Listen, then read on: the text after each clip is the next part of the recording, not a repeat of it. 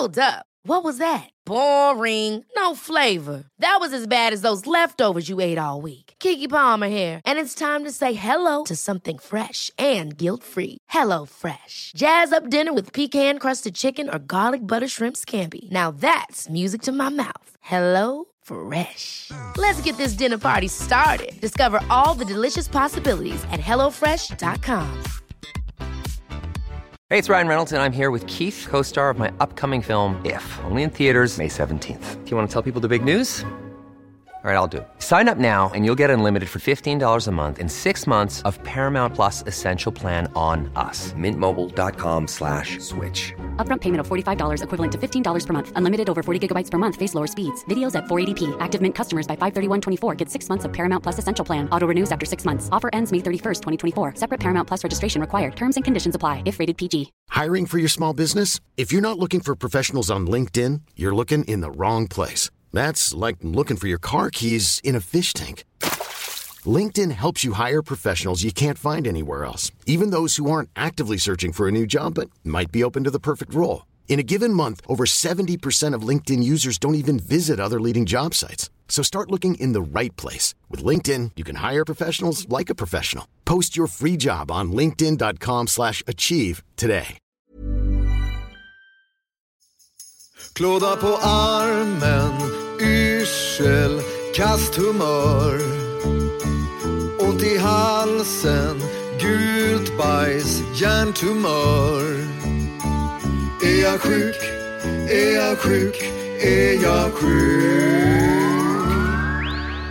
Hej och välkomna ska ni vara till ett nytt avsnitt av podcasten Är jag sjuk med mig Nissa Hallberg.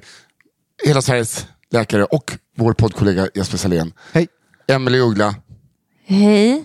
Det var, det var lite lame beskrivning. Emelie Uggla. Ja, det kanske räcker. Ja, podcastaren. Säger allt. Ja, podcastaren Hypokondrikern och manusförfattaren Emelie Uggla. Tackar. Och dagens gäst, ingen mindre än den äkta psykologen Agnes Mellstrand. Hej. Hej Agnes. Äkta.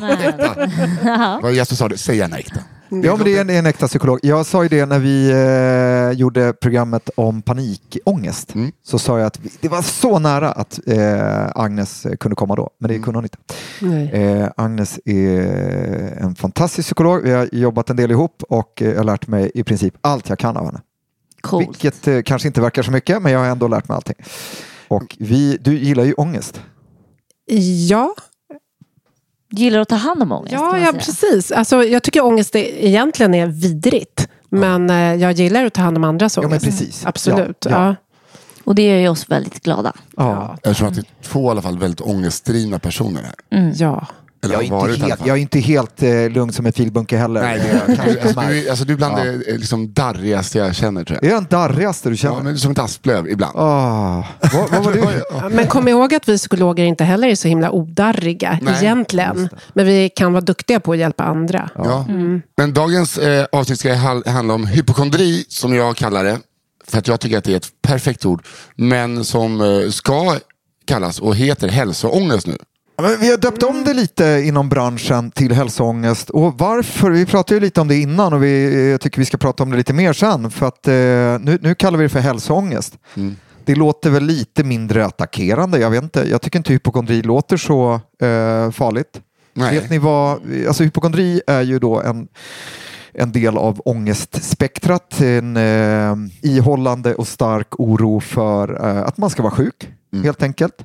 Det finns ju en sund sjukdomsoro. Vi ska vara lite oroliga när någonting verkar eller eh, magen kanske inte funkar för att främja ett positivt beteende i att söka vård och sen träffar man en läkare som gör sitt jobb och så går man därifrån och så är man lugn. Medan med hälsoångest, en, en allvarlig hälsoångest, så blir det inte bättre av att gå till läkaren utan det kan snarare bli värre.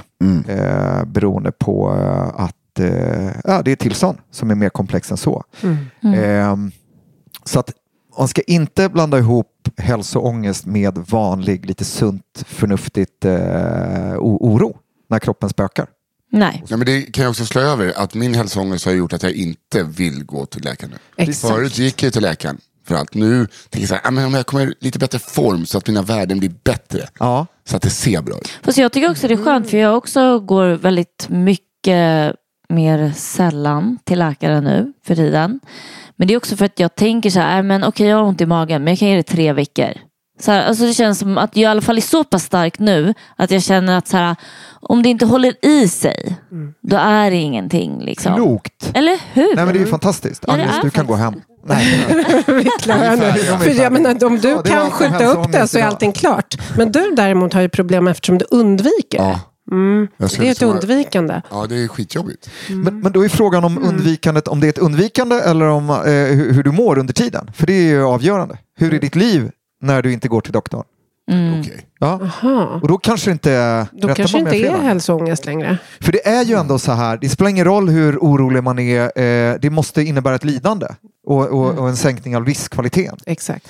För det är ju så att hälsoångest kan ju då leda till eh, sömnlöshet, depressiva symptom och eh, ja, men, eh, psykisk ohälsa i, i så stort och det kan leda till att, att man undviker roliga saker i livet. Eh, och, Gud, jag, och i alla psykiatriska diagnoser, vilket eh, hälsoångest eh, är för vissa, så måste det eh, ingå att eh, det finns ett lidande. Mm. Och det säger sig självt. Annars Ja, nej, men, och så har ju vi båda varit väldigt mycket. Jag äter ju antidepressiva nu sedan några år tillbaks. Så nu är jag ju mycket mer smooth än vad jag var innan. Men jag kan ju dra exempel från när jag var 14. Eh, rökte ett bloss på en cigg. Sen var jag alltså övertygad om att jag hade fått lungcancer. Så jag vaknade alltså fem på morgonen och bara hade dödspanikångest. Det var det enda jag kunde tänka på, min lungcancer. Jag hade så ont i lungorna. Till slut en dag, jag bara, fan jag orkar inte leva. Alltså det var så tungt. Jag var så rädd för döden att en dag vill jag bara gå ut i trafiken och bara f- dö. Liksom. Jag var så rädd för döden att jag nästan inte ville leva. Alltså så sjukt liksom. Du led så mycket. Och Ja, jag det led så mycket från. att livet blev liksom för jävla jobbigt. Liksom.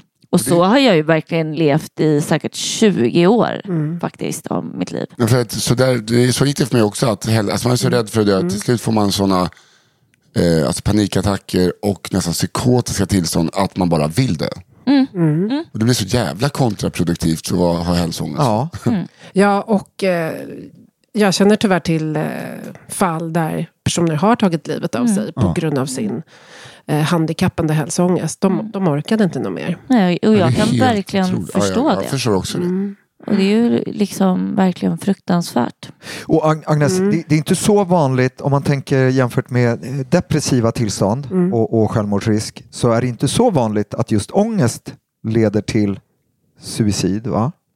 Nej, men i det här, alltså, ja, alltså hälsoångest är ju, du beskrev det så bra, det är det psykiska lidandet eh, som är så otroligt eh, kopplat till den här rädslan för att dö, för att bli sjuk. Så att man blir, i princip, man handikappar sig själv.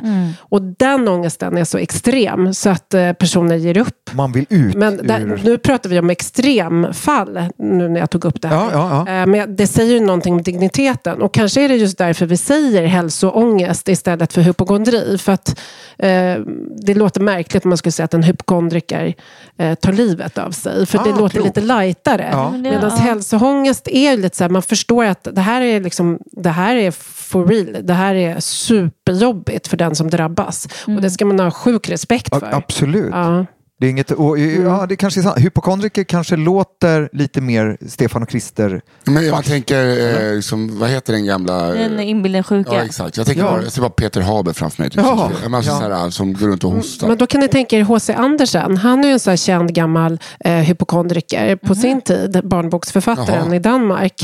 Eh, på den tiden var det fint att vara hypokondriker. Men man kan ju tänka sig att det hade inte blivit så många böcker om inte han hade varit så ängslig. Nej. Och han hade kraftfull, liksom, kraftig hälsoångest. Det fint? Eller hypokondriker sa man ju på den tiden. Då. Men, eh, Ansågs det fint? Ja, lite så här överklassfint att vara så här känslig. Och mannens, mannens sjukdom, eller tillstånd faktiskt, eh, läste jag. Att det var, det var liksom män som, eh, och och just att det var lite status och var lite neurotisk eh, och, och orolig för sin kropp. Redan på gamla grekernas tid så, det är faktiskt sant, så, så trodde man att det berodde på rubbade kroppsvätskor. Men det tror jag att man, man skyllde allt på rubbade kroppsvätskor på den tiden. På den tiden blev man ju också 21 år gammal och Jo, hade men precis. barnbarn. Alltså, Ja. alltså, jag hade haft sån jävla hälsoångest Ja. om man liksom hypokondriker på 1400-talet. Grattis, du är 18 och lever! Ja, ja helvete. Nej, ja.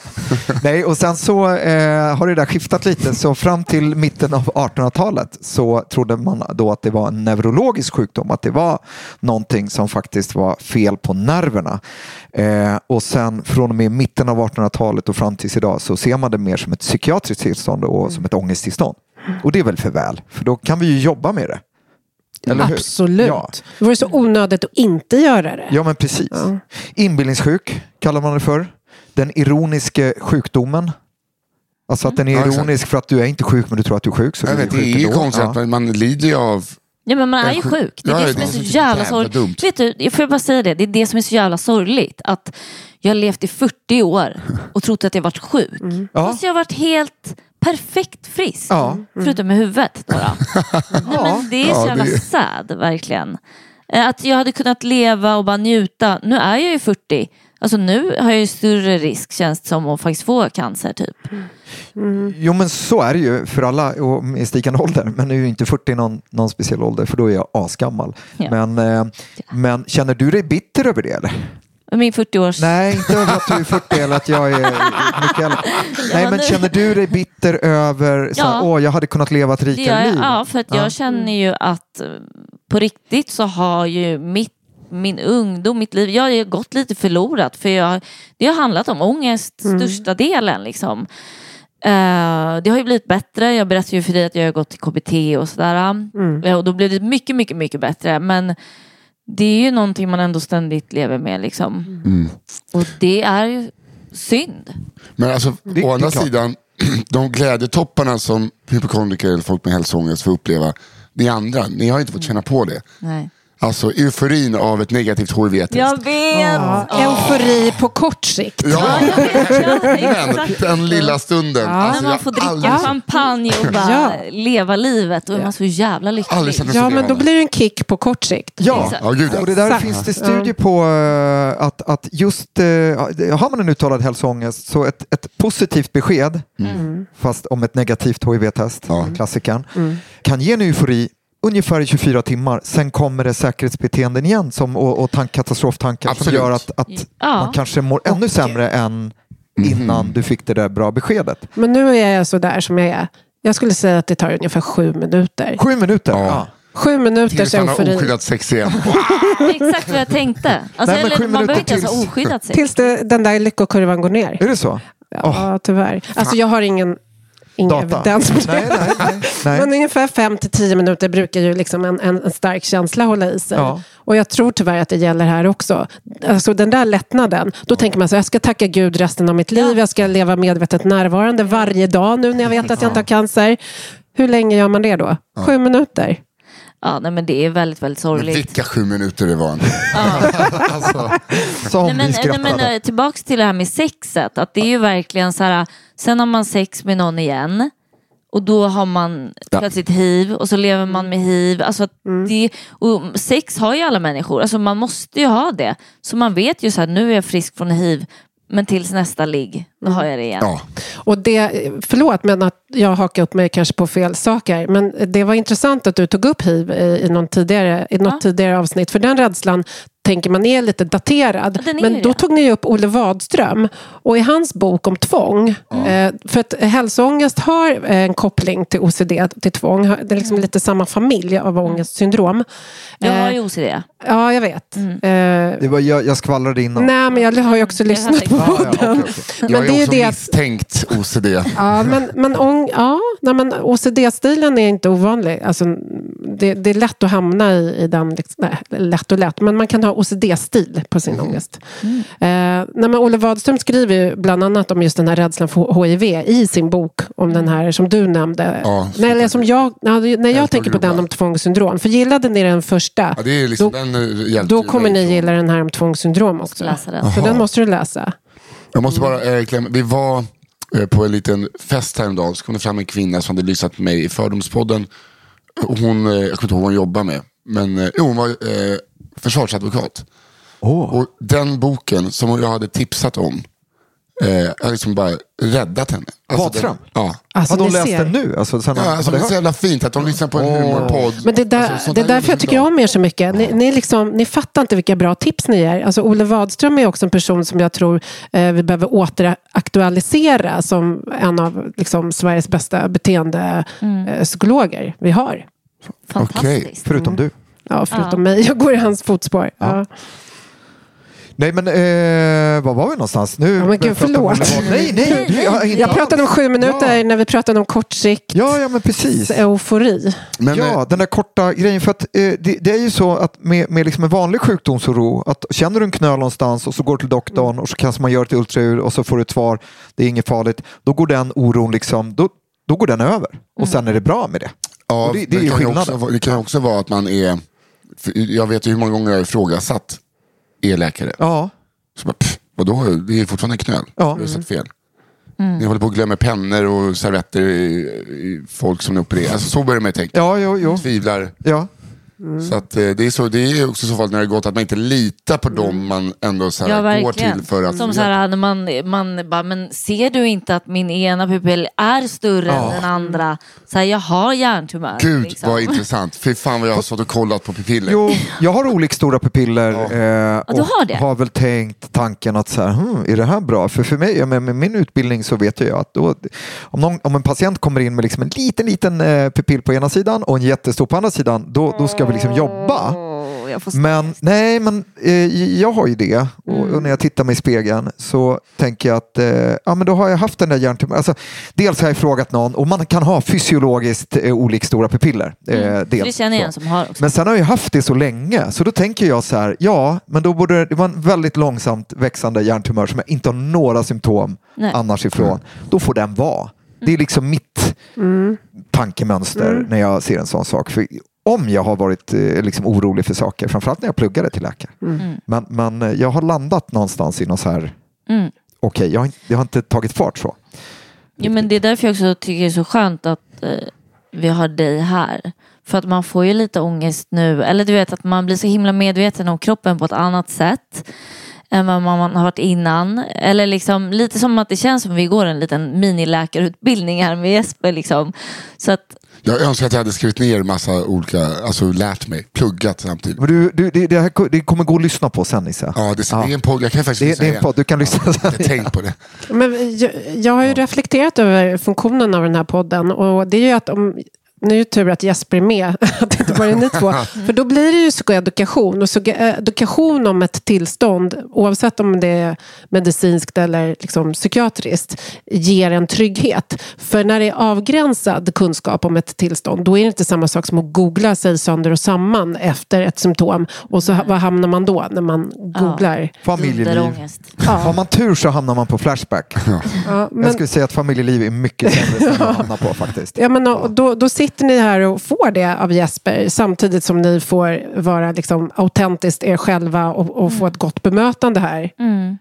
av Jag dig. hoppas det. Ja, gud. det Ja. får vi verkligen. Mm. Nej, men ibland blir jag nojig. Jag, jag kan noja över att eh, den här podden ska göra er sämre, att ni mår sämre. Jag är rädd att våra lyssnare ska må sämre. Så att det är verkligen alla lyssnare som har hälsoångest. Hör av er om det är någonting som eh, så. För det, det är faktiskt en oro jag har. Ja, Ja, eh, men, alltså, och absolut. Men det är också det som är så skönt att så här, för jag har ju då fått för mig om vi pratar lite KBT att man ska liksom utsätta sig då. då.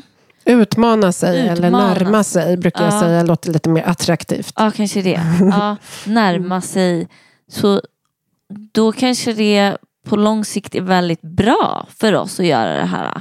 Jo, men det är ju det jag tror. Jag tror att nästan ni håller på med någon sorts exponering här. Ni är liksom trygga med varandra och samtidigt tar ni upp liksom ganska svåra frågor. Och ni går ju ibland in i på detaljer och, och skrattar och har kul. Och samtidigt är ni kvar i situationen i ungefär en timme och får den här kunskapen med er. Så jag, alltså, och sen tänker jag om det skulle vara någon som fick hälsoångest nu av det här som det sa om pupillerna. Ja. kan man ju börja träna sig redan nu med att stå ut med ovissheten. Eh, För, för man, man tänker ju obeskri- alltså jag tänkte ju tanken nu, så här, men nu måste jag kolla i spegeln om jag också har Ah, det. ah. Det händer ju automatiskt nu. Ja. Och det är ju en tanke som jag inte kan styra över. Nej. Men det är ju min oro som jag kan eh, styra. På det, alltså oron är ju det som betyder engagemang. Mm. Alltså att jag engagerar mig i den tanken genom att göra något. Ja. Så om jag går och kollar mig i spegeln, då har jag engagerat mig i tanken under hur mina pupiller ser Ja. ut. Och det där är det beteendet som vi kan bestämma oss om vi ska göra det eller inte. Om vi ska skjuta upp det till efter vi är klara med den här inspelningen eller om jag bara bryter här och bara, jag måste gå på toaletten och kolla mina pupiller Ja. nu för jag har sån ångest. Kan du inte gå och göra det nu, bara på skoj? Gör, gör det. Gå och kolla. Jag orkar inte. Så intresserad är jag mitt, Men fan vilket min eh, hälsa. fint exempel. Det är precis eh, jättetydligt exempel. Men så hur ska man göra då? då? då ska man, hur ska man tänka mera? Om man nu känner att nu måste jag gå och kolla i spegeln. Har jag större pupiller? Det är ungefär som att beskriva att nu tänker jag eh, att jag borde kolla att jag har stora pupiller. Tänker jag engagera mig i den här frågan just nu eller vill jag liksom rikta uppmärksamheten mot det jag gör just nu? Och det är ju att vara här med oss. Eller om du nu, jag vet inte om du gör något annat, typ läser en barnbok för ditt barn. Så liksom vrider du din uppmärksamhet tillbaka. För man brukar prata om att uppmärksamheten blir så vaksam när man har hälsoångest. Att man har den här liksom hyperbevakningsmotorn på. Och det är ju den man liksom tränar på att... Eh, Bromsa eller? ja, man, Eller- vri, man, man liksom... Eh, man är liksom lite punkig mot den där. Ah. Ja, ja. Man sa, nej det är jag som bestämmer här. Jag vrider min uppmärksamhet tillbaka här till, till att läsa Bamse med min dotter. Så man, man, kontro, alltså man tar kommandot ska man säga över Ja. den här motorn så att inte den får styra och man springer upp och kollar och så. Man, man liksom, Man, man, skjuter upp, Man skjuter man skjuter upp den till exempel till en sån här, man kan ha det så här, ja, jag, jag tänker ha en orustund och så ska, man, liksom- ska, ska jag gå all in och eh, superfokusera på min, mina hälsoångesttankar. Till exempel klock, mellan klockan 16 och 16.30. ja. Och sen måste man ju inte ha den där orustunden sen när klockan är 16 till 16.30. Men fram tills dess så skjuter man upp den. Så tränar man på det. Klassisk sån här älskar Eh. KBT-strategi vid ångest. För det där, jag gjorde, gjorde tvärtom. Eller som, Hur gjorde du? menar att varje tanke jag fick Ja. eh, så fick jag bara köpa det. Ja, det är Bara också så här, bra. Att inte, Det är med Olle. In, ja, exakt. Inga förlåtande tankar.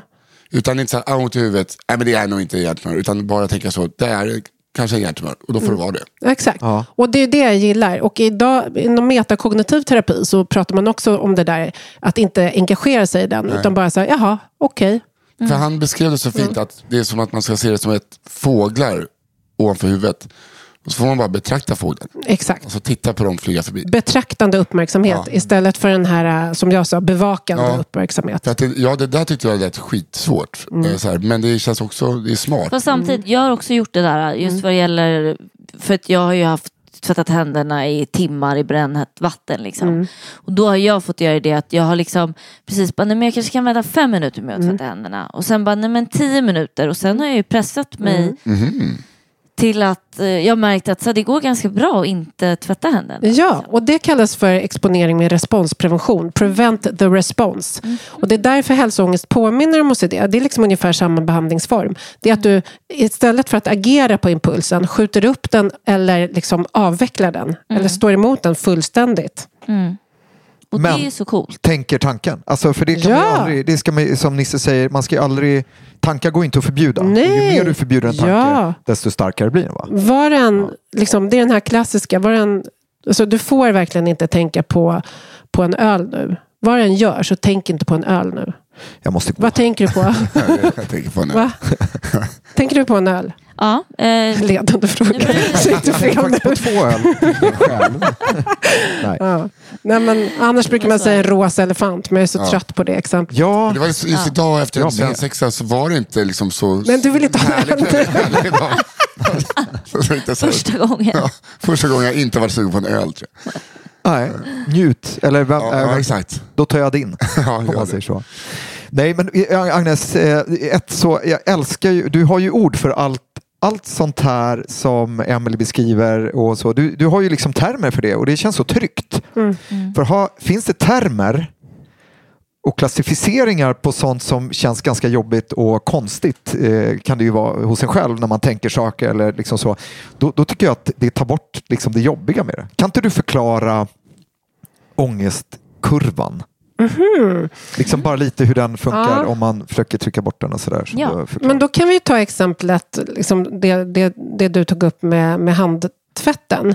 Att när du får tanken på att nu måste jag tvätta händerna. Eh, redan där har ju någon triggertanke gjort att liksom någon, någonting gör att du redan upplever ett obehag, eller hur?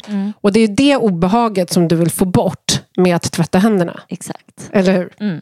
100 procent. Och redan där då så finns det ju liksom möjligheter till att vara punkig. Alltså mot, göra punkmotstånd mot den här äh, grejen. För annars går vi in i säkerhetsbeteenden och bara säger jag kommer inte hantera den här ångesten om inte jag tvättar händerna. Och om inte jag tvättar händerna och gör det här säkerhetsbeteendet så kommer ångesten liksom bara, vad heter det?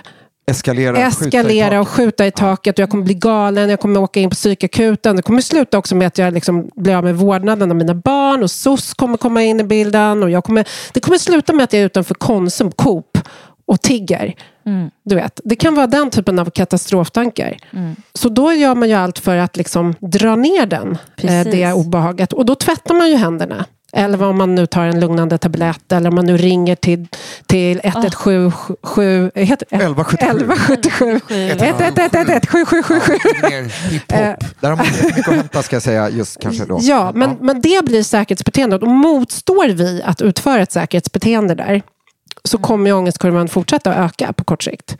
Och sen så kommer den så småningom att gå ner av sig själv. Och det var ju det du tränade på. Att låta den här ångestkurvan gå ner av sig själv. Och då blev du också starkare av det. Liksom din upplevda självförmåga ökade ju i takt med att du utmanade dig själv på det här Verkligen. sättet. Och inte lät ångesten liksom bestämma Nej. över dig. Precis, för det var också så när jag fick väldigt mycket ångest så blev jag också väldigt aggressiv. Ja, såklart. Alltså jag blev liksom arg på allt och alla och kunde skrika liksom, för att jag inte kunde tvätta händerna. Men sen, precis när jag bara mötte den där ångesten och så kanske jag blev lite arg eller skitarg. Men sen som du sa, så här, planade det ut. Och sen eh, när man har arbetat på det där då, då blir man inte arg ens längre. Nej. liksom. Och första gången är det svåraste gången och sen så fortsätter det vara svårt några gånger. Men det är ju jättebra om man då säger till sin omgivning, jag tränar på det här. Alltså Ja. man är helt uppriktig. Alltså. Och jag kommer vara på så sjukt dåligt humör. Jag kommer vara så triggad av det här. Så det är också bra om man ens nära vet vad man håller på med här. Så att de inte gör en björntjänst och bara säger, ah, nej men det är klart du ska tvätta händerna. Jag vet. Så fick man ju göra också, att säga att folk inte skulle ge mig förlåtande tankar, alltså tröstande tankar. Ja. Nej, Jag gjorde ju det senast när vi pratade om panik. Gjorde jag det och så sa du till mig och så insåg jag att jag gjorde det automatiskt. Ah, Jag bara, nej du var inte galen. nej, Nej, för det kallas för försäkrande beteenden. Och du, då ska ju din omgivning eh, och du ha en överenskommelse om att de inte ska ge, svara på dina försäkringsfrågor. nej, exakt. Eh, Och det fick jag verkligen så här, göra med familj och vänner. Men det är också Ja, så bra. svårt Ja, för är de som är skönt. medberoende. Ja. För de vill inte ha hej, mig såhär, en galen skrikande flickvän och mamma. Så att det krävs så jävla mycket av dem runt omkring Nej, det går ju liksom. emot omgivningens instinkt för man bryr sig ju om sin älskade. Man vill ju Ja. inte att hen ska lida. Liksom. Så att det är därför många liksom, anhöriga, partners, föräldrar gör, gör så. Det blir ju en björntjänst. Så att man måste ju själv stå emot den liksom, instinkten och ha sin egen ångestkurva. Ja. Agnes, vad tycker, eller Emily, hur gjorde du med, för du har ju två döttrar. Ja. Eh, vad, hur förklarar du för dem? Och sen tänkte jag fråga Agnes hur, Nej, men hur grejen är att såhär, de var ganska små. Ja. Eh, men, eh, men jag har ju alltid haft en väldigt öppen kommunikation med dem. Ja. Liksom. Eh, och jag, det är klart att de blev väldigt eh, liksom, påverkade av mig. Och, eh, någon gång vi gick så här på Kungsgatan och de bara mamma kommer du ihåg när du såg blod här på Kungsgatan en gång? Så här, ja. Men, eh, men eh, jag är ju jätteöppen med allt. Och alltid varit det. Och när jag får, för jag får ju fortfarande ångestattacker över att eh, basiller och grejer. Då säger jag till dem. Så här, för jag är medveten om min sjukdom. Så säger jag så här, det här är alltså inte typ på riktigt. Det är bara min hjärna som snurrar runt nu. Liksom. Ja. Och För jag har ju varit med om det några liksom, gånger, men det är, det är Ja. ändå sällan. Ja men det är sällan. Men det coola är att för jag började i terapi för jag verkligen inte ville att de skulle bli liksom smittade av mig. Smart. Och de har ingenting med basilskräck eller någonting i sig överhuvudtaget. Och det tycker jag är helt otroligt faktiskt. Men du har ju varit så otroligt duktig med det där. För jag var ju verkligen så här, de, jag gick inte till lekparken med mina barn. Jag kunde ta mig fyra timmar och gå och handla. Bara välja väg, vilken som var minst riskfri. Plocka mjölk tog 20 minuter för att jag skulle kolla så det inte var blod. Liksom. Och sen när jag kom hem, då slängde jag allt jag hade köpt. För att jag hade ju blivit smittat liksom, på vägen. Eh, och jag slutade tvätta. För att uh, tvättmaskinerna var så, liksom, folk har ju stoppat in smutstvätt där i. Så att jag blev ju också smutsigare än en vanlig människa fast jag hade basilskräck. Liksom. Ja, det blir nästan samma sak som med att eh, hälsoångesten får dig eh, att inte vilja leva. Att din basilskräck fick dig att bli skitigare. Ja, Den exakt. ironiska sjukdomen. Ja, det är verkligen- Nej, Ja, men faktiskt- då fattar man Ja, utan verkligen att, det där. att skämta. Eh, Nej. Så, nej. Nej, det är så jävla sant. Men vad, eh, och, eh, Agnes, Mm. eh, så prat, alltså, eh, det här släppa in sina barn. Alltså i alla fall förklara i ett lugnt, i ett lugnt eh, läge. Så här funkar jag. Eller så här, det här är lite knasigt med min hjärna. Eh, och, eh, eller vad säger du? Jag önskar att fler gjorde så. Alltså att man är så transparent som möjligt. Mm. Och då eh, att mamma kan vara glad, mamma kan vara arg, mamma kan vara ledsen. Alltså att man har tillgång till hela känsloregistret och att man surfar. Man kan ju till och med förklara den här ångestvågen. Då ska mamma surfa sig igenom den här vågen. Mm. Och så kommer de också lära sig att göra det. För då är de inte i det.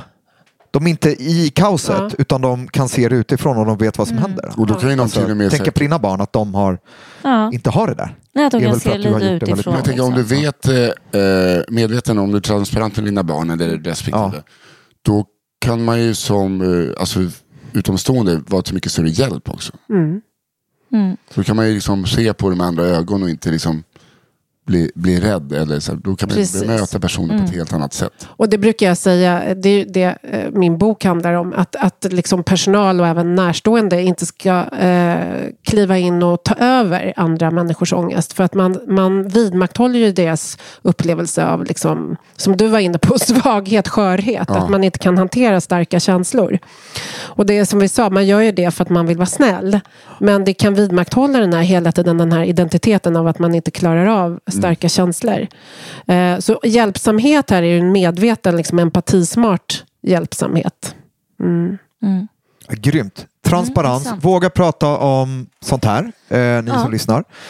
Eh, för det är så viktigt. Och, och, och jag tänker också att om man väl meddelar sig om idag har jag en sån här dag, jag har jättemycket ångest, jag känner mig stressad. Då behöver man liksom inte upprätthålla en fasad. För jag kan ibland känna att att upprätthålla fasaden tar så mycket energi.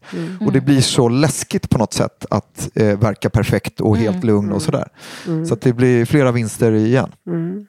Genom att prata om Ja, det. det tar ju Kul. otroligt mycket energi. Ja. Vad har du skrivit för bok eh, måste Ja, jag jag fråga. också Eller jag vet ju vad du har skrivit för bok men jag tycker att vi ska Vi nämna ska det. ta det Ja. eh, eh, och sen kommer vi ha ett litet instick. Men, men jag vill också fråga, för alla tre är ju nyfikna på Alla boken. tre är nyfikna. Och säkert ja. många fler än Ja. oss. Ja.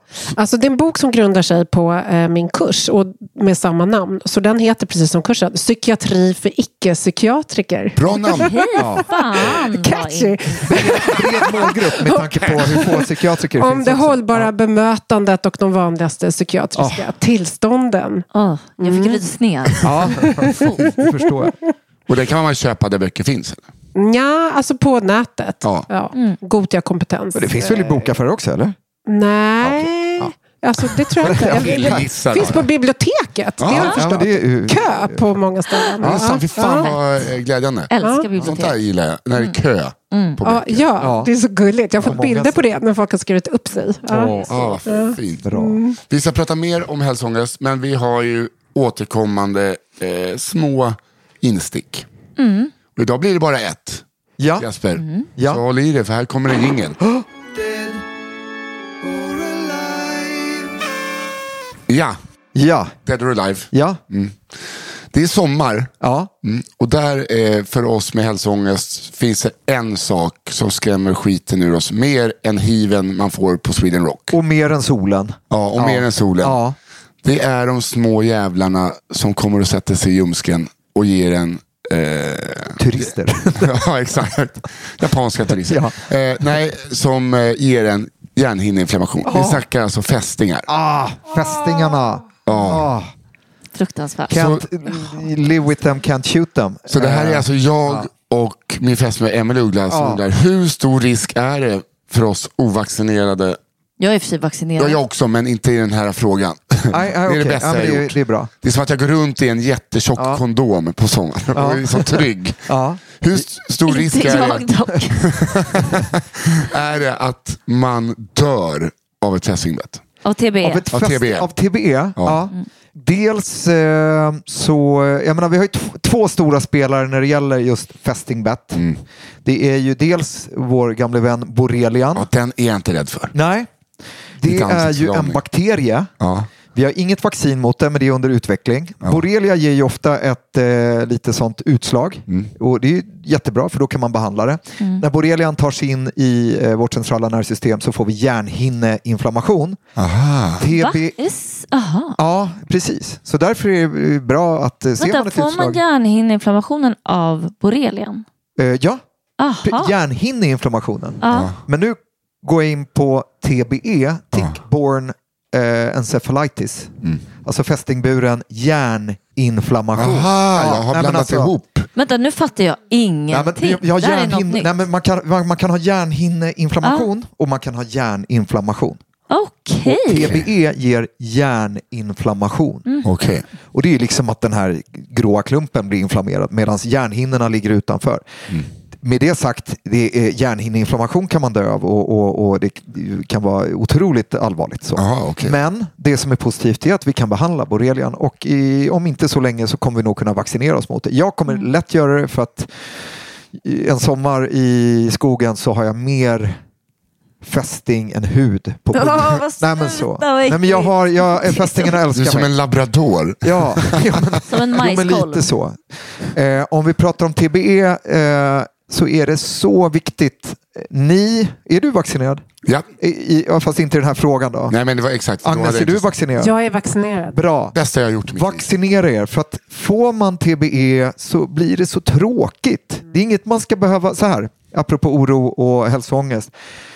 Oron kan leda er till att vaccinera er, sen kan ni släppa det. Då har ni gjort allt ni kan göra åt det.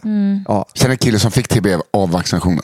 Ja, jag känner faktiskt Du en känner alltid någon ja, du känner alltid killar. men det är en gammal producent till mig. Han fick det. Han blev eh, jättedålig. Ja, okej. Eh, ja, men jag, jag vet inte bara om det kan vara ett missförstånd. Alltså, men Alltså, Jesper, varför är inte den här vaccinationen gratis? Det, jag tror att TBE jag tror faktiskt att, så här, TBE, eh, eh, vi, vi ska faktiskt göra ett sommaravsnitt eh, om TBE och borrelia och sådär. Men generellt sett så är det, det, det kommer på fler platser. Förut var det i Mälardalen i Stockholm mest. Nu har man börjat se det lite i södra Norrland och, Ja. och även på västkusten och sådär. Och, eh, så så att det, man, jag tror att man har diskuterat om det ska ingå i det allmänna vaccinationsprogrammet. För att, men det är så bra grej. Så att vaccinera er vad ni gör. Om, är det så att ni vistas liksom i naturen en minut på sommaren så vaccinera er. Har ni fått För- en fest, jag för- vaccinera. Nu, jag vet. Jag, Jag vet. måste, Ja, för jag är ju liksom fullt vaccinerad men jag går ändå aldrig i grä, gräs. Eller jag liksom, för jag är så jävla rädd. Men jag kan vara lugn med min vaccination. Liksom. Ja, du har i alla fall gjort allt du kan. Men Allt det jag kan. Det är ju när du har, gå i gräset. För att det är härligt att gå i Det gräset. är ju det. Jag Ja, är, men det är exakt. Nej, men så. Du ska inte undvika, alltså, och, och så. Utan gå i gräset, gör vad du vill. Men när du kommer hem efter en dag i gräset, Mm. titta på dina ben. För fästingar är inte så att de hoppar på en och biter direkt. Utan fästingar kryper långsamt upp till ljumsken, Mm. pungen, säkert blygläppen, upp i armhålor. Där är liksom lite så instängt och så. Mm. Eh, kollar man igenom så hinner man plocka dem. Alltså Mm. innan de har satt sig. Så det är nog det absolut viktigaste. Gå i gräset. Ja, nu. Ja, till frågan. kommer vi till svaret på frågan. Ja. Hur stor är risken att man faktiskt dör av TBE? Det dåliga med TBE det är kanske inte dödligheten, Nej. men utan det är mer att eh, när hjärnan blir inflammerad så kan det ta väldigt lång tid att komma tillbaka och det kräver mycket rehabilitering. Eh, man kan behöva IVA-vård, så det är en dålig sjukdom att få. Ja. Så vaccinera er, kolla era ben innan ni går och lägger er i sommar.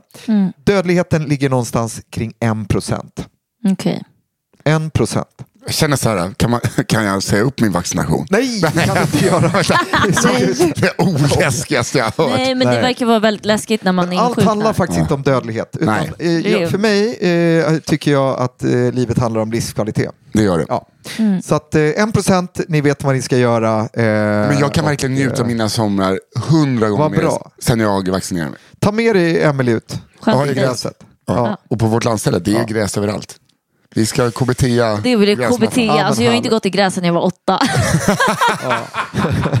det Alltså, det, kanske finns, är dags. det finns faktiskt Ja. ingen som går så mycket. Eller jag har gjort det med skor då, då men alltså. Får jag följa med och gå i gräset med dig? För det skulle kännas väldigt stort. Det ser ut som en, alltså en innekatt som går på gräsmattan Ja, härligt. gången. Vi kan göra en grej Jag vill det. verkligen vara med om det här stora som händer nu i sommar. En procent hörni, det var. Dead or Alive. Perfekt, tack. Many of us have those stubborn pounds that seem impossible to lose, no matter how good we eat or how hard we work out. My solution is PlushCare. PlushCare is a leading telehealth provider with doctors who are there for you day and night to partner with you in your weight loss journey. They can prescribe FDA-approved weight loss medications like Wagovi and Zepbound for those who qualify. Plus, they accept most insurance plans. To get started, visit plushcare.com slash weight loss. That's plushcare.com slash weight loss. Hiring for your small business? If you're not looking for professionals on LinkedIn, you're looking in the wrong place. That's like looking for your car keys in a fish tank.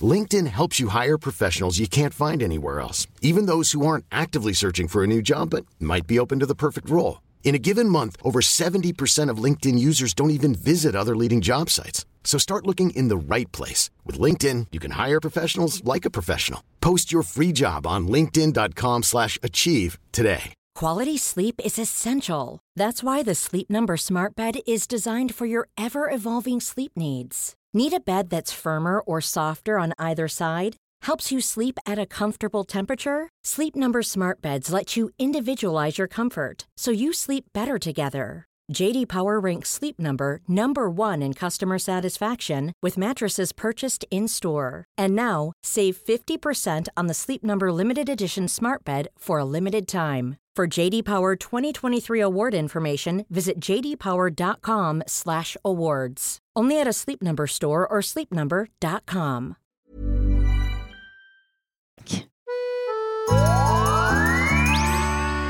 Vi är tillbaka med glada nyheter. att eh, eh, alla ska vaccinera sig. Det var det vi tog med oss. Ja. Vi, eh, vi ska fortsätta. Vi har ju ändå Agnes här. Ja, om vi har. Eh, ja, Agnes, vad har du att säga? Nej, men jag, har, liksom, man kan, jag, jag har faktiskt med mig två reflektionsfrågor Ja. till de som har hälsoångest. Fan vad kul. Och ni sitter ju framför mig här. Vad avstår du ifrån att göra på grund av din hälsoångest? Det är fråga ett. Och vad gör du på grund av din hälsoångest? Eh, s- ska jag börja eller? Ja, börjar du. Vad avstår du ifrån? Alltså, rent, eh, Det jag avstår från, alltså det är ju lite allt möjligt. Men ehm, jag äter inte blåbär, inte banan, jag äter inte viltkött. Eh, jag sätter mig inte spontant ner i tunnelbanesäte. Eh, vad är det mer? Alltså, du, du behöver inte komma på några fler saker nu, men om, vi, vi, om, vi, du skulle kunna skriva en sån här lista eller typ en beteendedagbok och bara kartlägga allt det som du sa precis och alla grejer du inte kom på. Vad gör du då på grund av din hälsoångest? Eh, alltså för att inte bli sjuk eller? Ja, det, då tänker jag just på säkerhetsbeteenden, försäkringsfrågor. Säkerhetsbeteende, förebyggande beteenden. Då är det att jag tvättar fortfarande händerna mycket, mycket mer än en vanlig människa. Och jag ser också till att mina barn inte ska bli sjuka så att jag kan också, om jag varit på toaletten, kan jag desinficera toaletten efter mig så att de inte ska få mina basiller på sig. Vilket är sjukt. Eh, Duschen likadant. Ja, det är väl lite mer renhållningsprylar typ som jag håller på med. Jag kommer liksom inte på någonting. Jag undrar ibland om du ändå har hälsoångest. Nej, I alltså, alla fall ingen aktiv. Nej, men, nej, men det är som Ja. Jesse sa, så att jag är så nykter. Ja, exakt. För att jag har jobbat med det så mycket. Sen kommer det lite i vågor. Men det är snarare det jag inte gör är att gå till läkaren. Ja, och det, Det- var det jag reagerade faktiskt- på i något tidigare avsnitt. Att du, du, jag tror du sa det i det första avsnittet. Ja, Det är, en, det är ett aktivt undvikande från dig. Varför? Eh, för att jag, eh, jag vet inte. Alltså, jag var på återkoll för en eh, godartat tumör eller utväxt på testikeln. Och det, har- det har jag inga problem med. Mm. Eh, men så här, jag vet inte vad jag, jag har inte något direkt. Och, det är mest så att jag är slapp tror jag. Och så här, Men du undviker inte, förlåt nu jag in, men du undviker men det är inte det på grund av att du... gallblåsa, den skjuter jag upp. Det skiter jag i. Ja, jag förstår. Men hur får du dig att känna? För att jag tänker eh, att, att, att du inte går till doktorn. Alltså det är, det är de med ett undvikande beteende som har så mycket ångest men inte vågar gå till doktorn för de vill inte veta. Jag tolkar det inte som att du... Nej, men jag tror att jag är liksom förbi det där. Jag är liksom obrydd. Det är lite så här, ah, då dör jag väl. Ja. Alltså, det har, jag har verkligen satt sig. Okej, Olle har hjälpt mig. Du har kört Olle liksom... Ja, lite för, alltså ibland känner jag att har jag kört, har jag kört lite för långt så att det kommer bli min död. Att jag liksom, ah, Du typ skiter i det. ja. Fast jag, är- jag har ingen ångest över det. Nej. Nej, men det Jag låter... önskar, att jag, hade, Desensibilisering. Ja, jag önskar att jag hade lite hälsoångest kvar. Så att jag ändå gick och kollade upp saker. Som min jävla arm som jag aldrig får. Så här, jag har haft det en, har du ju kollat upp.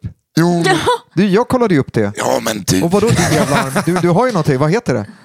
Nej, men om det skulle ha varit så som Jesper eh, tänkte ett tag där, att det skulle vara så rädslan för att få ett negativt besked. Eller att man hellre inte vill veta, eller att man liksom faktiskt utsätter sin kropp. Eh, alltså att man inte kollar upp det man bör kolla upp, gå på såna här, liksom, vissa kontroller och sådär. För att man inte vill veta. Då, kan man ju, då är det faktiskt en hälsoångest. Eh, och där, ja, där undvikande beteendet gör att man då inte vågar eller vill gå till hälsovården och söka hjälp. Jag tror att det var för att jag hade dåliga värden en gång. Och Mm. sen eh, när jag kollade två månader efter, bra värden. Mm. Så bara, okej, senast var det bra. Jag vill inte att de ska vara dåliga igen. Alltså det är Ja. någon liten... Ja, då är det en liten uh, undvikande jag vill inte, jag vill inte ha där. facit. Lite Nej. magiskt tänkande och sånt också eller? Att, eh, eller? Och så har jag ju varit hundra Ja, alltså, men också så här, jag bara tänker om jag äter bra nu, inte dricker för mycket vin och tränar så kommer jag, jag slutar röka. Så jag lever ändå mycket sundare än vad jag Nisse, gjort på du är år. väldigt sjuk. Vad håller du på med? Nej. Men det betyder, alltså, man brukar dela in så här, hälsoångestbeteenden i, i undvikande beteenden. Ja. Som vi tog exempel på. Man vill undvika liksom, ha besked och sådär. Kontrollbeteenden, att man dubbelkollar, liksom, eller man kan inte sluta titta och checka vissa födelsemärken. Man blir liksom helt hyperfokuserad på det. Försäkrande beteenden som vi var inne på. Ställa massa frågor. Är du säker på det? Vad tror du? Vad tror du? Eller ska jag, ska jag, ska jag inte? Alltså till sin partner. Eller man googlar sig sönder Alltså, och samman. gud, man hör så- av sig till 1177. Gud vad jag vill säga 111177. Och förebyggande beteenden, och det är det du är inne på nu. Leva hälsosamt, äta massa omega-3, liksom hålla på med allt det där. Men förut brydde jag mig inte. Nu kan jag, om, om man, jag har festat två dagar i rad, då känner jag att jag har liksom misshandlat min kropp. Alltså så här, det är bara Ja. positivt. Förut sket jag i det. Så att det är ändå så här, jag... Det är så här, det känns som idag, efter, dagen efter en svensexa, känner jag att jag har förgiftat min kropp. Och Ja. vill jag äta sunt och träna imorgon. Men vänta, nu, det här tyckte jag var väldigt Låter bra. intressant. Så det kan vara så att man håller på med något förebyggande, att man liksom är, tänker lite för hälsosamt. För det gör jag nu. Alltså det är min nya grej. Att jag, ju jag snusar aldrig på dagarna. Någon gång då och då. Men när jag festsnusar, alltså jag har sån ångest över det. Så att jag försöker också dra ner, jag vill knappt dricka läsk. Eh, jag, jag tycker det är askul att snusa men jag får för mycket ångest. Ja. Eh, och jag lever ju helt okej som människa ändå. Liksom. Alltså, det, jag, har ju sagt, det, det finns, du, jag har nog inte träffat någon som eh, lever så sunt som du. Är sund. Ja, och vad vet man? Alltså, där, jag menar, Jesper, där är du och jag, du är ju läkare och jag är psykolog. Och jag skulle reagera på när det går till överdrift. Men jag, menar, jag tänker att du är jättenöjd med någon som lever hälsosamt, Jesper. Medan jag blir lite så här, oh, liksom, det kanske går till överdrift för, man att vill det ju är också kunna ångestfullt. leva. Så att, jag brukar säga till mina patienter Ja. det är att man ska få ha det bra också. Ja. Man kan inte, som du säger att du har förgiftat dig själv igår. Ja, det har du gjort, men det är okej. Jag förgiftade mig Ja. mycket mer förut. Ja, alltså, nej, men- det är så nej, men jag jag ändå, Frekvensen har gått ner. så. Men så länge du inte undviker liksom, sociala härliga aktiviteter. Du bara, jag kan inte komma på svensexan för att jag vill inte förgifta min kropp. nej, nej, nej, exakt. Nej, nej men precis. Nej, men så. Och jag, jag bryr mig om hjärnan också eh, som somatiker. Nej, men så jag jobbar med kroppen. Mm. Så, så jag blir jätteglad. Och, men det sa jag i första avsnittet Nisse, när du berättade om att du tränar och liksom sådana grejer. Då blir jag så här, bra. Så länge du mår bra. Alltså Bra. det, det är det viktigaste. Så, och samma sak med dig Emily. Skulle du sitta med så här eksem på händerna nu när du berättar om hur mycket du rengör hemma. Då skulle jag känna, ah, det här måste vi hjälpa Emily med. Både du och jag så. kollade på Emelies händer nu. Ja, men jag har kollat på de, dem. ja, precis, men de Ja. är faktiskt bra. Ja, men de De är, ser jättelena Ja. och fina ut. Och, och för er som undrar varför jag pratar om händerna så är det så att en, en väldigt vanlig konsekvens om man har ett överdrivet eh, liksom, renlighetsbeteende och, och ofta bakteriofobi och, och så, så, så brukar man kunna få hemska handexem. Och Det är hade som jag ju förut. Ja, Liksom. Mm. Så att Och det tycker jag är coolt att huden kan repa sig. det kan den. Det kan den. Men gör inte om det. Nej, nej men, men, men eh, det, det, för, för det, allting handlar ju om, jag, alltså, om någon, en patient kommer till mig och bara, ja, eh, jag snusar inte, jag röker inte, jag dricker inte, jag knarkar inte, jag, spring, eh, jag springer springer, inte." jättemycket. ja, och, så, men Och jag älskar. Anders Hansen mest av allt i hela Ja, jag världen. Nej, men som, är, som, som berättar det här, men samtidigt sitter och gråter och tycker livet är keff. Ja, då, men då, exakt. då, då finns det ju ett problem. Så att Ja, allting handlar om en balans. sadistiskt. Det är Ja, som att man och- är så sadistisk Ja. mot sig själv. Liksom. och, eh, och eh, faktiskt familjer som är så här, i den här familjen går vi upp klockan 4.30 för att hålla på med fysisk aktivitet, pulshöjande jag aktivitet familjen för att hinna jag med hemma i. det. Och så går jag därifrån. Ja, och då drar man ner på sömnen istället. Ja, nej, Ja. men det är, allting handlar om en balans. Man ska, man ska Nej, ha men, det så bra man kan ja, ha men Jag det. hade faktiskt tänkt att ta upp det idag och säga just det. För jag kan känna mig väldigt sadistisk mot mig själv. För allt som skapar njutning, som mat, sex, kanske snusa, dricka lite alkohol. Allt sånt som faktiskt kan förgylla stunder i livet. Det är bara som att det dränerar mig. Mm. Jag vill kunna göra det men jag piskar mig själv i ryggen liksom så jävla hårt när jag har lite trevligt. Och det tycker jag också är väldigt... Eh, känns inte Ja, du, du, du blir så hård mot dig själv. Jag är Ja. alltid så här, Emelie bara, "Åh, jag vet inte, kan jag inte ta en snus nu? Du tycker att det är kul. Det finns ingen som tycker att det är så kul att snusa som du. Ja. Gör det. Du snusar så jävla lite i alla fall. Eh, nej, men du tar upp en viktig fråga och det är just hälsoångest handlar ju så mycket om känslor. Det är ju känslorna. Alltså dåligt samvete, skuld, skam, rädsla, oro. Och det engagemanget, liksom, det är ju hela kroppen kan ju då, den uppmärksamheten man då ger liksom, till sina känslor här, vilket är helt naturligt. Va? Det gör ju att du också får symptom. Alltså du blir ju spänd i kroppen, du, blir, du får ju hjärtklappning, och du, eller hur Jesper? Ja, med spänd i Den- nackmuskulaturen Ja. så får du yrsel och mycket- Ja, huvudvärk. exakt. Ja, så... Och vad tänker, Så man kan ju framkalla sina liksom, symptom genom att man liksom, hyperuppmärksammar dem. Ja. Men just de känslorna du tar upp, att det är ju det engagemanget du ger. Alltså, det är den här piskan. Mm. Eh, ja. Jag, så jag är så himla glad att det kom på tal. Mm. Eh, för att det, det hindrar en ju. Liksom. Och det är säkert jättemånga som känner likadant, tänker jag. Troligtvis. Mm. Alltså så. Ja. Och vad gör man då? Eh, och det är ju det, då kommer ju alla dessa beteenden in. Kompensationsbeteenden, alla de här beteendena som då du ska göra för att eh, neutralisera det dåliga du precis har gjort. Mm. Och det är det du ska motstå ifrån. Så du får ha hur mycket skam och skuld som helst, men du får inte agera på det. Det är precis det som kallas för preventive response. Gör inte beteendet, det är det som är fällan. Och det är där du så liksom... liksom, hur ska jag tänka då, alltså, menar du? Om jag vaknar upp och som igår var på svensexa och snusade och så vaknar jag upp med ångest direkt Mm. över att jag har snusat. Hur ska jag då liksom... ja, först konstatera att det är liksom det du tänker. Ja. och att det är det du känner. Mm. Och vad vill jag göra just nu? Jag, antingen säger du till dig själv, jag vill ligga här i sängen och eh, engagera mig jättemycket i den här ohjälpsamma tanken och känslan Mm. och slutsatsen jag har dragit om mig själv och mitt beteende. Eller så tar jag med mig den här eh, olustkänslan, den här vidriga känslan. Vi Mm. säger att det är en så vidrig papegoja som sitter på din axel och bara Mm. tjattrar hål i huvudet på dig. Och så bara, då tar jag med mig den och sen så äter vi liksom ägg och bacon här och fortsätter Mm. eh, vältra oss i det här bakisexistensen av fet och god mat. Att man liksom typ lite bejakar Bejakar allting. och liksom. punkar sig igenom det där. Punkar sig igenom. Och Ja. älskar ordet punka Ja, sig men Jag igenom. vet och jag sitter här och tänker att du, du, när vi lärde känna varandra så hade du tuppkam. Eller jag så hur? glad Jag hängde Ja, För men jag du ser, det så kallar det för punktpsykologi. Noll evidens, men det, här, det jag menar är ju konkret KBT. Ja. Ja, verkligen. Nej, men det ger en ju en liten kick. Liksom. Ja. Ja, och det passar dig. Tänk så här, det, det, det passar ju dig. Mm, det gör verkligen Och det. det är någonting jag kan säga. Nu punkar du igenom det där bara. ja. Exakt. Nej, inte bara som att det vore en bagatell. Nej, nej, För punkar det, inte bara igenom det. Nu punkar du igenom det. Ja, nu funkar igenom det. Ett, är ett väldigt stort problem är, är ju eh, just när det gäller hälsoångest att eh, de som har säkerhetsbeteendet, alltså de som inte är undvikande och aldrig träffar läkare, men som söker lite mer ofta än snittet, att det finns väldigt mycket skuld och skam förknippat Mm. i att man söker igen och, och så. Jag får höra det väldigt ofta som läkare att ah, nej, men jag ber om ursäkt att eh, nej, men nu kanske jag, jag kanske är sjuk i huvudet. Exakt. Då brukar jag säga så här, ja fast huvudet sitter ju i kroppen och vi tar hand om hela kroppen. Alltså det där. För så är det ju faktiskt. Jag är inte nöjd, apropå kropp och knopp, så är inte jag så här, ah, men så länge kroppen mår bra så skiter jag i liksom sinnet. Nej. Så.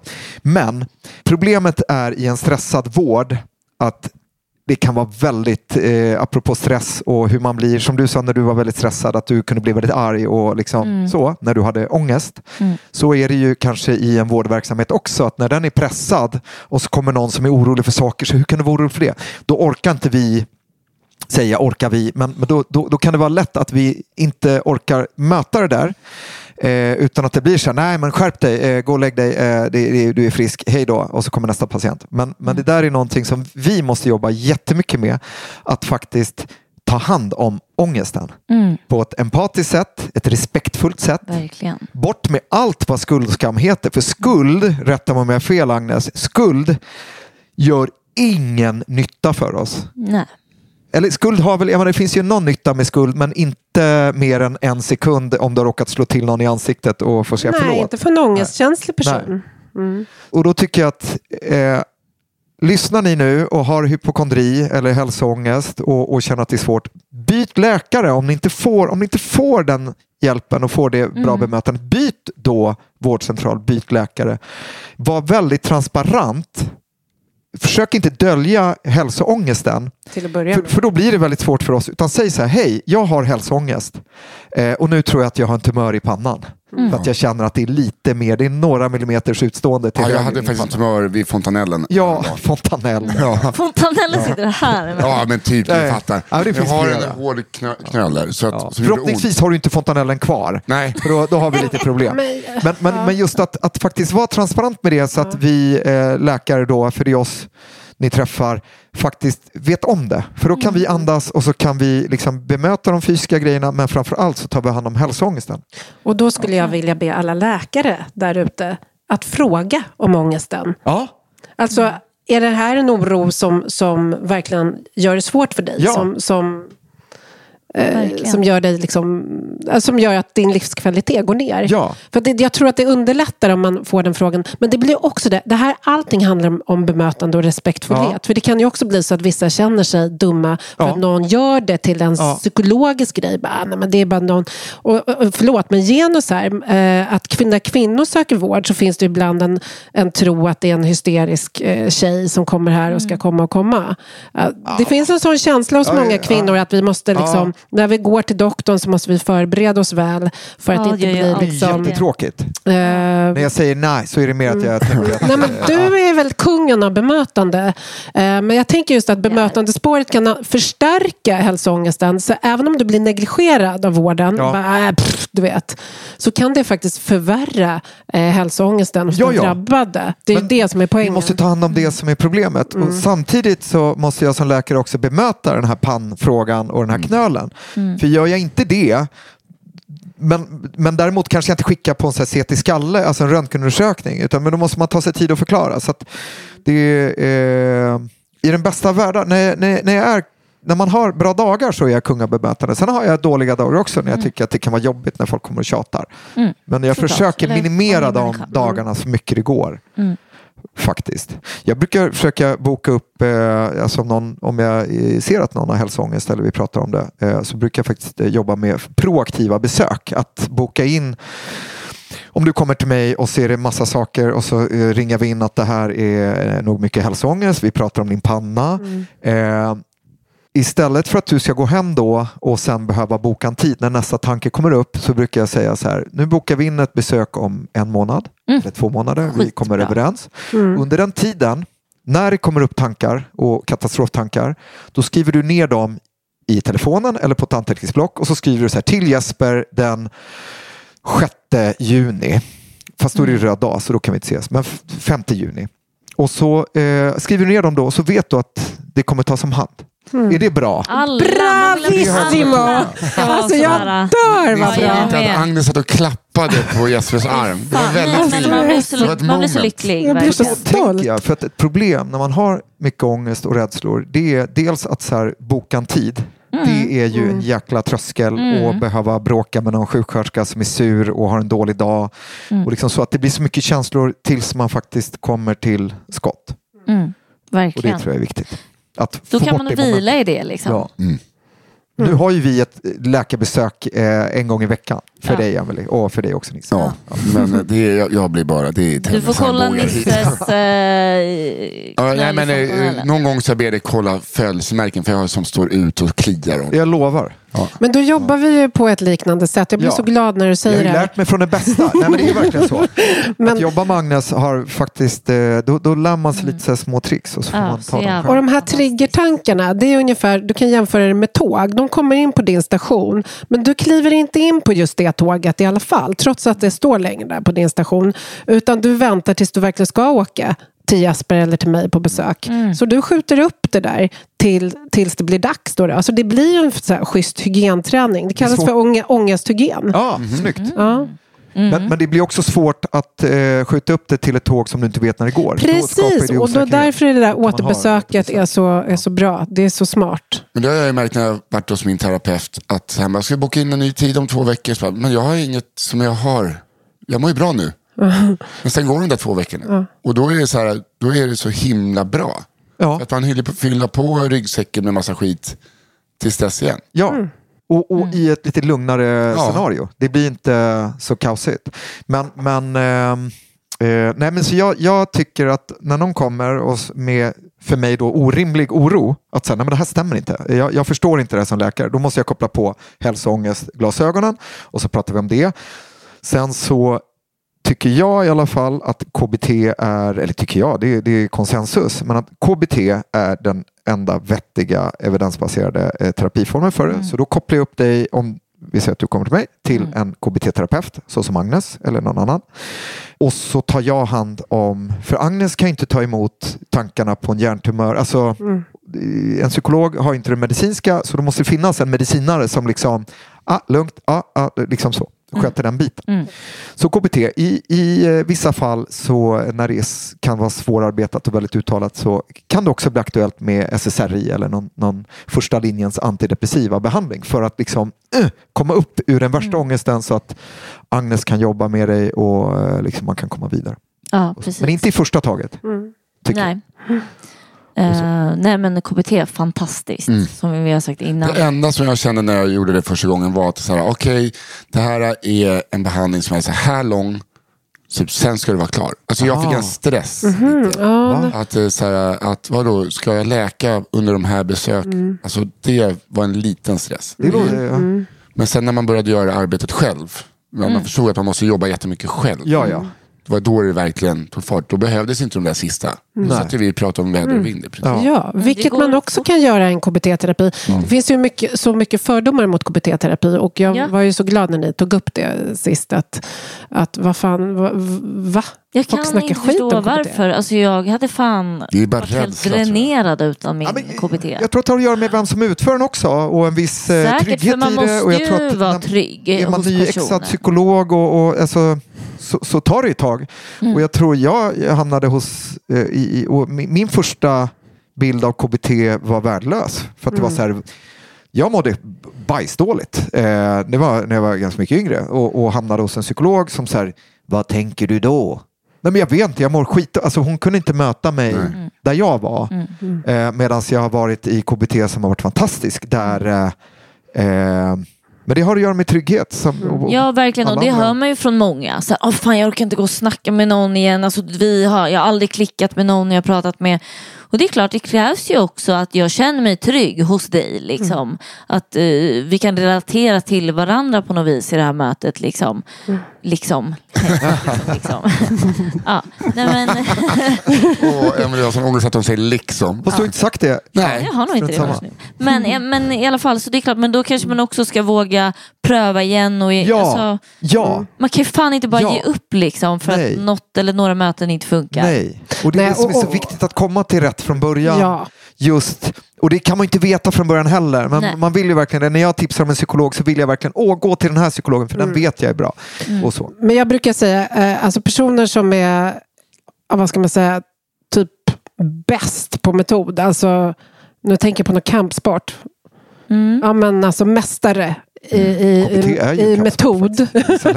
Men suger på bemötande. Då kommer du inte hela Nej. vägen. Nej. Så att om du sitter där och är så här fyrkantig, då, då låter det nästan som så här, liksom, formler i kemi. Ja. Eh, Man presenterar inte en beteendeanalys på det sättet. Men eh, det är klart det kan ha att göra med erfarenhet. Men sen vet jag, jag är ju handledare också. Jag vet att många psykologstudenter eh, som är nyexade, kanske till och med bättre än vi, vi gamla. Ja. Men, men det, det är sant. Det är många som, som kanske ger KBT. Eh, det finns ju de som kan ge KBT ett dåligt rykte för att det blir så streamat. Ja. Det blir så manualiserat och mekaniskt. Och det är himla synd alltså. För att eh, det, det stämmer ju inte med, med min bild av kognitiv beteendeterapi. Och inte den ni har heller. Nej, Nej, jag, jag blev ju frälst.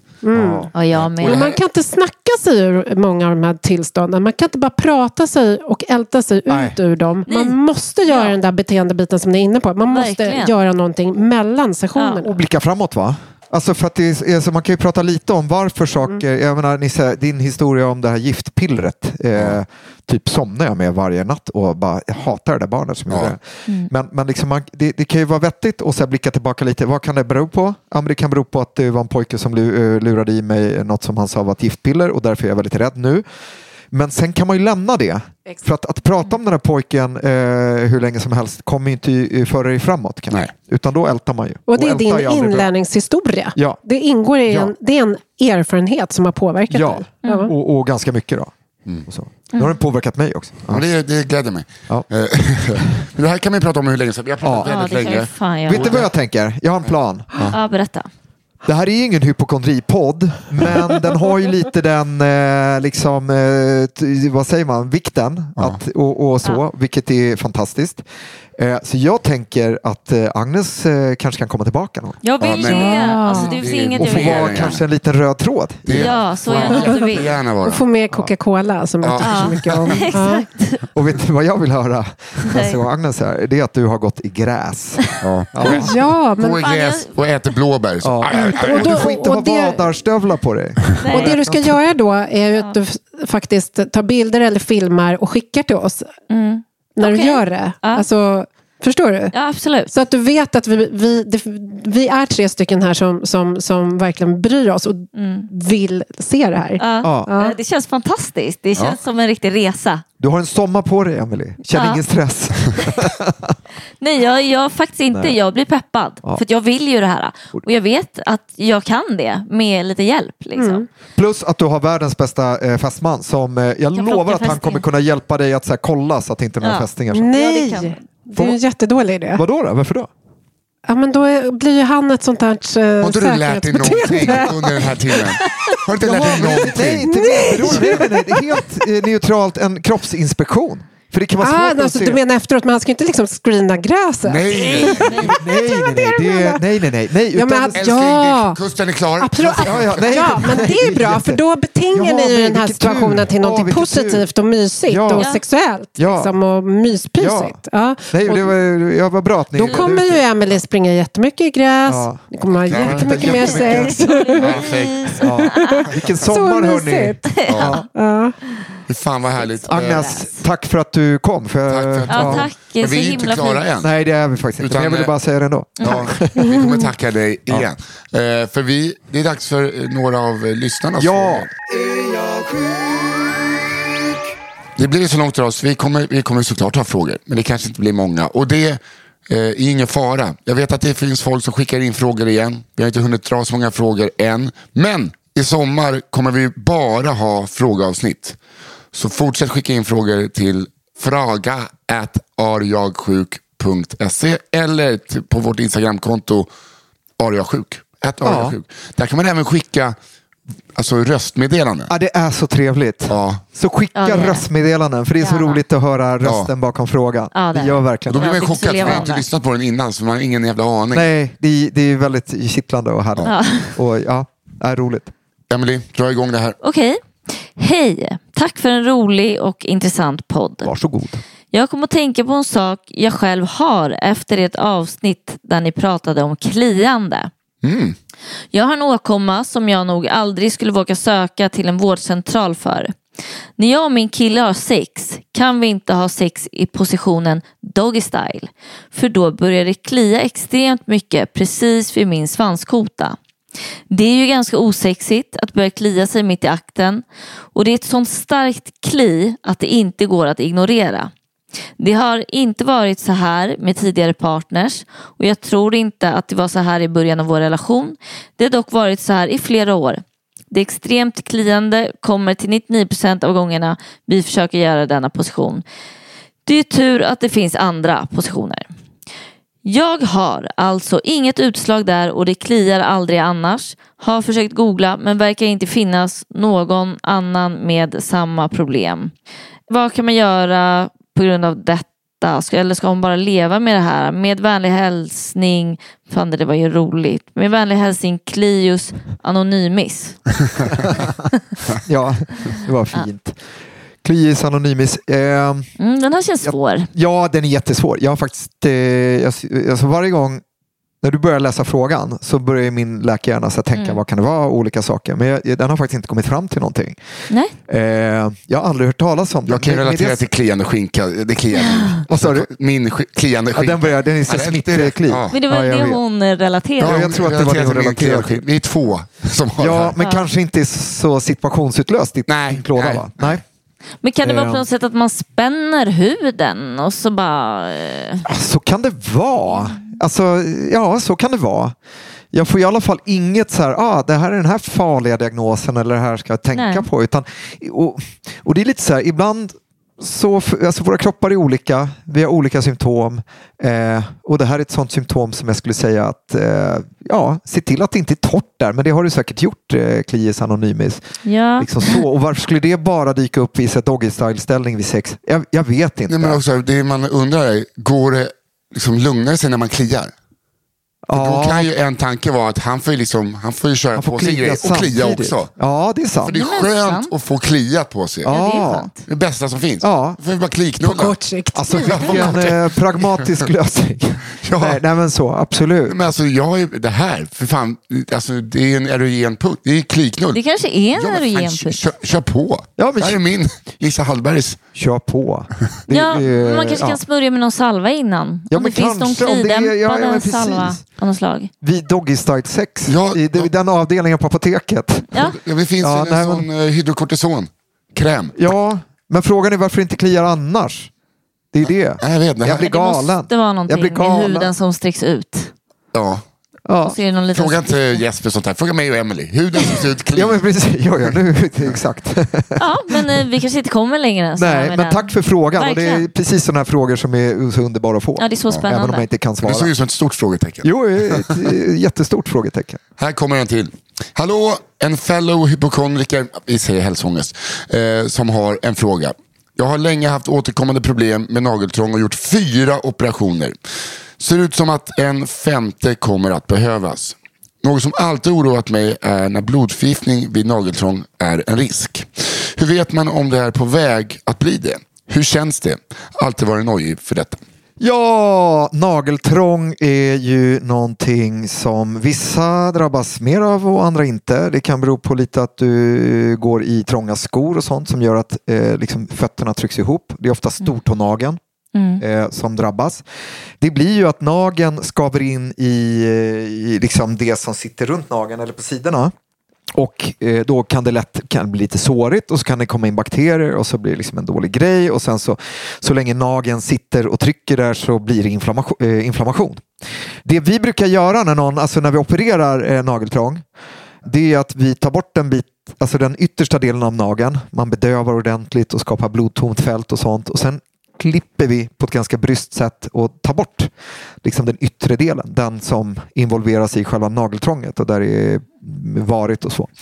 Det vi ska göra det är ju att när vi har dragit bort nageln, för då drar man den, förlåt nu kommer ni, ja, eh, då drar man ju liksom ut hela, alltså, eh, ja, det får inte vara något kvar. En Eh, kinesisk tortyr. Ja, ska, om vi inte hade bedövat så skulle det absolut vara det.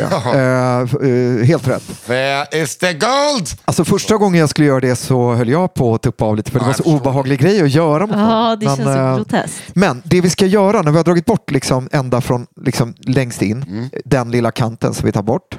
Ja, det är att då ska vi på något sätt se till att det inte växer ut mer där för då kommer ju nageltrånget tillbaka förmodligen. Om man inte köper jättebreda skor. Och, äh, men liksom så. och det låter ju som att man har missat att göra det om det är en och samma nagel, kära frågeskrivare. Så att där brukar vi etsa eh, med fenol eh, så att nagelanlaget där nageln skapas, att det försvinner för gott. Ja, så att det inte händer igen. Så det är en grej jag tänker på. Eh, sen frågan gällde ju det här med blodförgiftning. Att, eh, är du en frisk människa i övrigt, inte har några immunbristsjukdomar eller något sånt där, så är risken för blodförgiftning just ganska låg. Det vi tittar på eh, när det gäller alla infektioner eh, ja, på fingrar och så, det är hur långt rodnaden sprider sig. Om den sprider sig upp, om vi pratar om stortån, om du har liksom en rodnad, hela, hela, hela foten är svullen och röd och det börjar spridas upp eh, vid, vid eh, eh vad heter det, fotleden. Ja, men det, det är ett tecken på att infektionen tar sig in i kroppen eller upp i kroppen eller in i kroppen. Så. Blodförgiftning, sepsis, då blir man väldigt sjuk och man känner sig väldigt medtagen, får ofta hög feber, eh, inte alltid, men, men du blir väldigt allmän påverkan. Så generellt, har du en infektion och börjar känna dig jättedassig och trött och yr och så, då ska man ta sig till en akutmottagning för att få det bedömt. Men eh, framförallt eh, eh, gällande frågeskrivaren, var inte orolig för det. Är det så att eh, liksom inf- infektionen och rodnaden bara är vid tån, inga problem.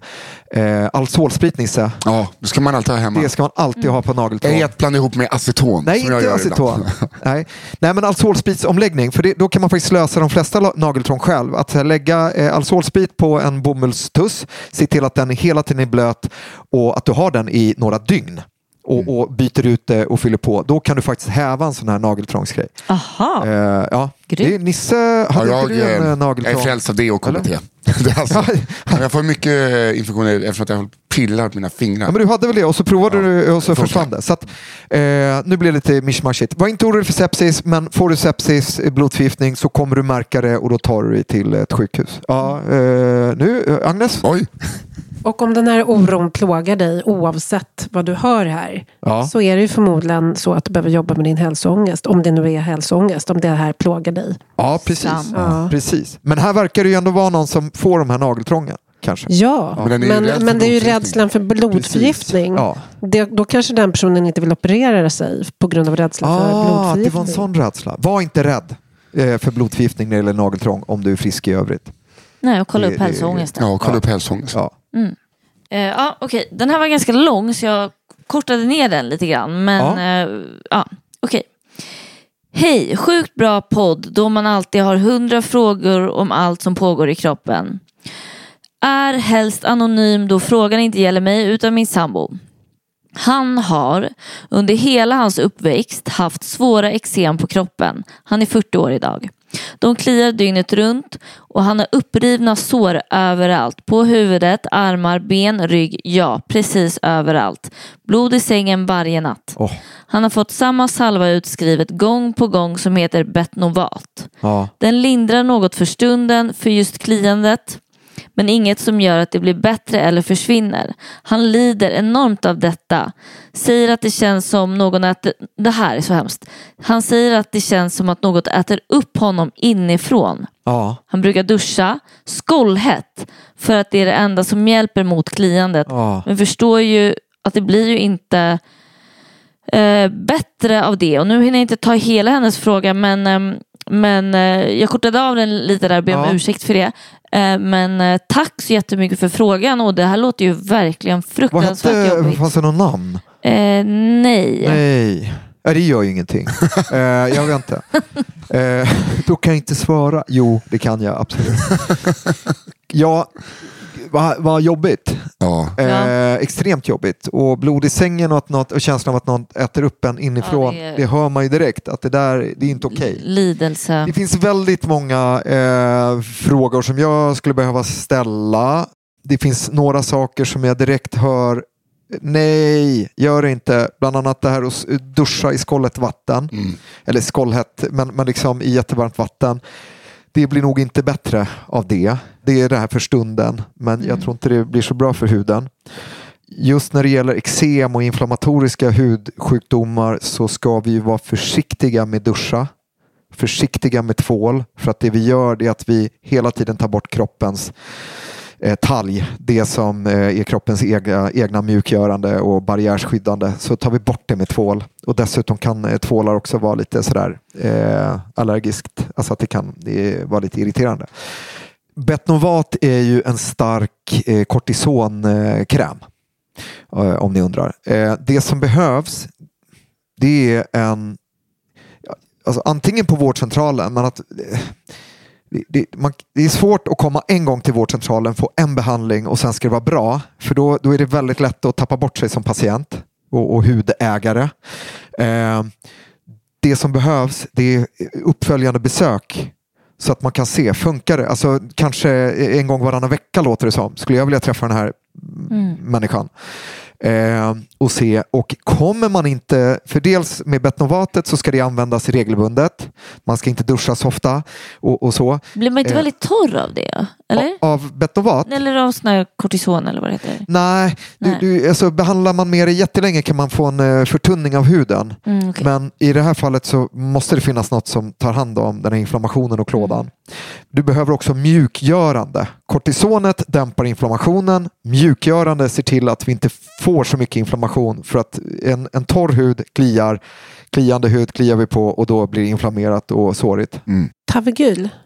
Tabegyl är ett antihistaminpreparat som är klådstillande. Det kan man absolut, jag tycker man ska, det här behöver man attackera från, med massa, från en massa olika håll. Funkar inte det, trots vårdcentralens engagemang, då tycker jag att man ska få komma till en hudspecialist när det är så uttalat. Och återigen ett lidande. Eh, nu är det inte den alltså, som har de här eksemen som har skrivit frågan utan sambon som jag förstod det var. Mm. Och det kanske tyder på, eller får mig i alla fall att tänka att den här, eh, han som är drabbad i, i, i, har gett upp eller liksom lever i det här och tänker att så ska det vara. Men så ska det inte vara. Nej. Utan eh, det här måste åtgärdas. Ja, Och då får man vara på vården helt enkelt. Ja var på vården. Och jag, ja. Det låter som att den här personens liv är ett helvete. Ja, jag skulle, eh, om det här var min sambo, så skulle jag erbjuda mig att faktiskt följa med och Ja. bevara, alltså vara lite advokat. För ibland så Exakt. behövs det för vissa Mm. patienter. Verkligen. Man behöver inte liksom driva på utan vi läkare ska ju veta vad vi ska göra. Men i alla fall så att inte den här patienten säger nej men det är bra, det är lugnt, Nej. nej, jag sover gott och jag duschar inte skål. Alltså lite så. Mm. Eh, utan Det är väl ett jättebra tips. Ja, ja, det är det. nej, men, eh, jag blir väldigt ledsen att höra Mm. det här. Ja, så hoppa, lycka till. Vi har en fråga till eh, innan vi avrundar. Och eh, jag älskar alla lyssnare, men den här älskar jag lite Ja. mer. Hej, tanke. Kan det inte vara gubbmossa som kliar på Nisses stjärt? Ja, Vad är... Det är någon som bryr sig om min stjärt. jag vet. Jag, Kallar det jag- för stjärt, bara det är så obehagligt. Ja, det, det, det är en liten stjärt du har. Nej men uh, gubbmossa, jag har ju liksom ingen aning om vad gubbmossa är. Kan vi googla eller? Ja, googla det då. Då får du googla det. Men tänk om det bara att hon försöker vara... Alltså jag trodde att det var något så här, åh nej, du har, är det gubbmossa? Nej, nej, nej, det, nej, något sånt är det inte. Gubbmossa. Tänk om jag bara så här, men herregud, det har jag inte tänkt på. Nisse, vi drar nu till Södersjukhuset. Fort! Det kan vara gubbmossa. Jag fattar ingenting. Nej, inte jag heller. Senilvårta. Jo, så här, nu ska jag förklara att eh, för några avsnitt sedan så eh, när Nisse gick till doktorn, till mig då, så eh, han har ett så här kliande utslag som han har haft i, åtta ja. år. Ja. Tror jag. Ja, på, på rumpan. Och, som, eh, och, och Det nu har syns den här lyssnaren... Vad sa du? Eh, det står att eh, se, sebor, seboroisk keratos. Ja, men det är det inte. Nej.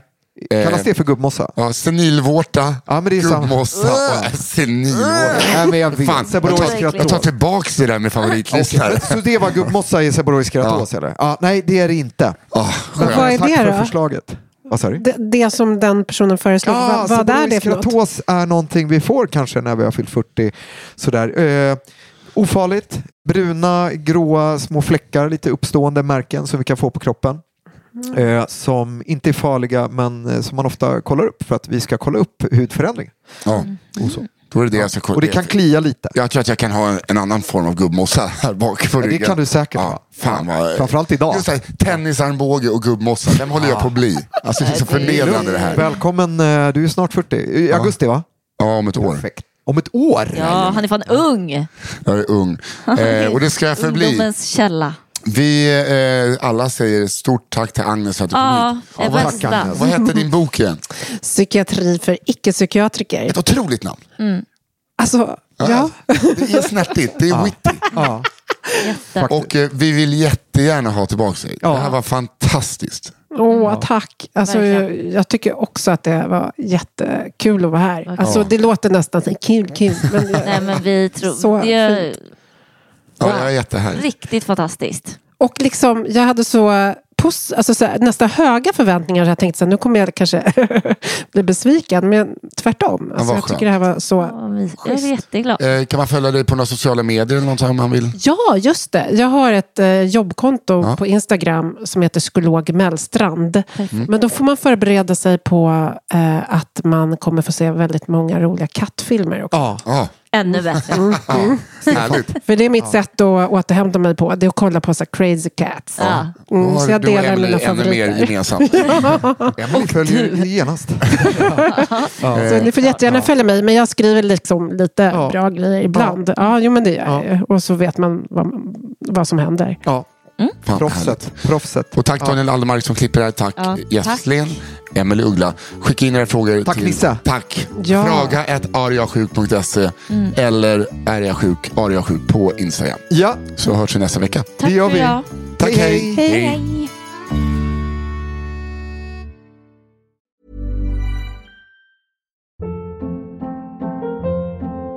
Hold up. What was that? Boring. No flavor. That was as bad as those leftovers you ate all week. Kiki Palmer here, and it's time to say hello to something fresh and guilt-free. Hello Fresh. Jazz up dinner with pecan-crusted chicken or garlic butter shrimp scampi. Now that's music to my mouth. Hello Fresh. Let's get this dinner party started. Discover all the delicious possibilities at hellofresh.com.